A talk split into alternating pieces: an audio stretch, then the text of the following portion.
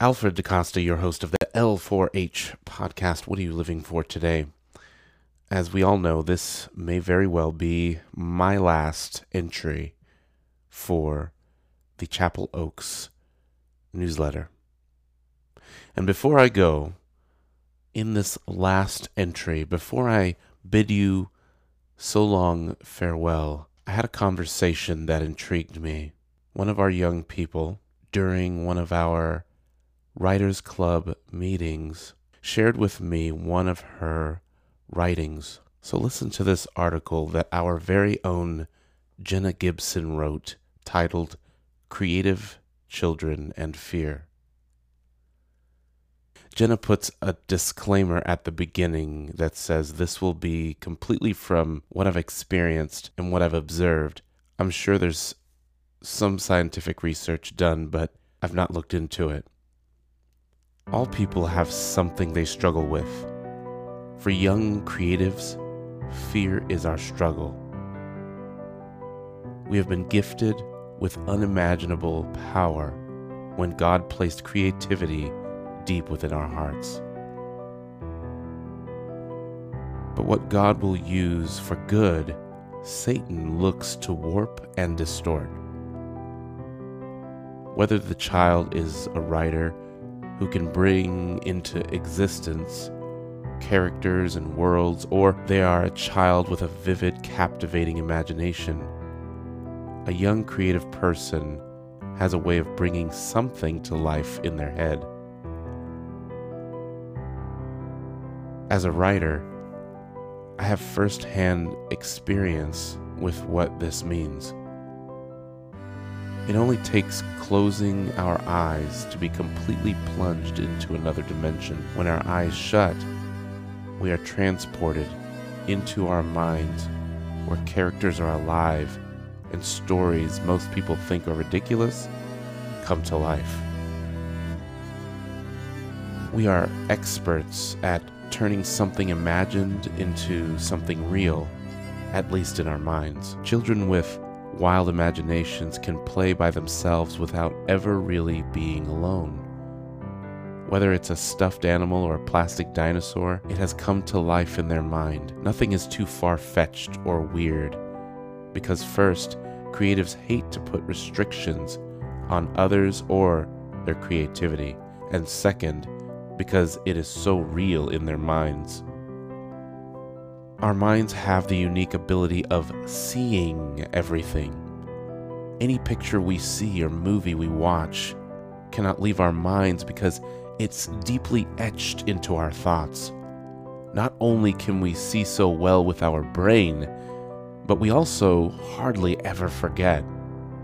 We are feeling guided people. If we see something frightening, do not tell us just to move on or ignore it because we cannot push down those feelings without falling deeper into our own worlds. For a young creative child to invent something in their minds, all it takes is one thought. The longer they dwell on it, the more lifelike and real it will become. This is true with good and bad. All it takes is one thought to set them down a trail of fear of something completely made up yet very real to them. A child in a room with a closed door may be totally fine until a single thought what if there's a monster waiting for me right outside the door enters their mind? Within five minutes, they can be completely convinced that there truly is a monster because in their mind's eye, it is waiting for them, and they've created such a real image of that monster. How could it not be true? The biggest problem with this, for children at least, they are so used to their imaginations being at their advantage while playing or creating. They always listen to it and expand on what they're thinking about. It takes emotional work to pull their minds away from an idea that has taken root. Being afraid of something as a creative child is no small deal. This fear will grow unless it is worked through. But once fear has distorted something, it will take a long time to get better.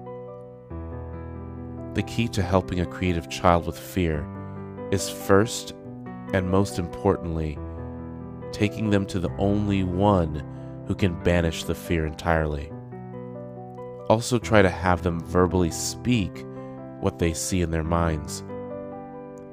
Children with a wonderful imagination tend to let things grow and fester in their minds without ever looking logically at the fear. By speaking what they see, it will release them from feeling alone in the fear, and it will help lessen the growing and festering by telling the secrets hidden in their minds. But what it comes down to is God has given creative children an amazing power power to create something real in their hearts that spills out into how they act and what they say. This gives fear the perfect opportunity. Continue to speak truth into the child's heart. I am the Lord your God. I am holding your hand, so don't be afraid. I am here to help you. Isaiah 41, verse 13. When a creative child comes to learn that God, the biggest, strongest, most creative person ever, is holding their hand and wants to help them, fear begins to lose its grip. The Lord who created you says, Do not be afraid. I will save you. I have called you by name. You are mine. Isaiah 43:10.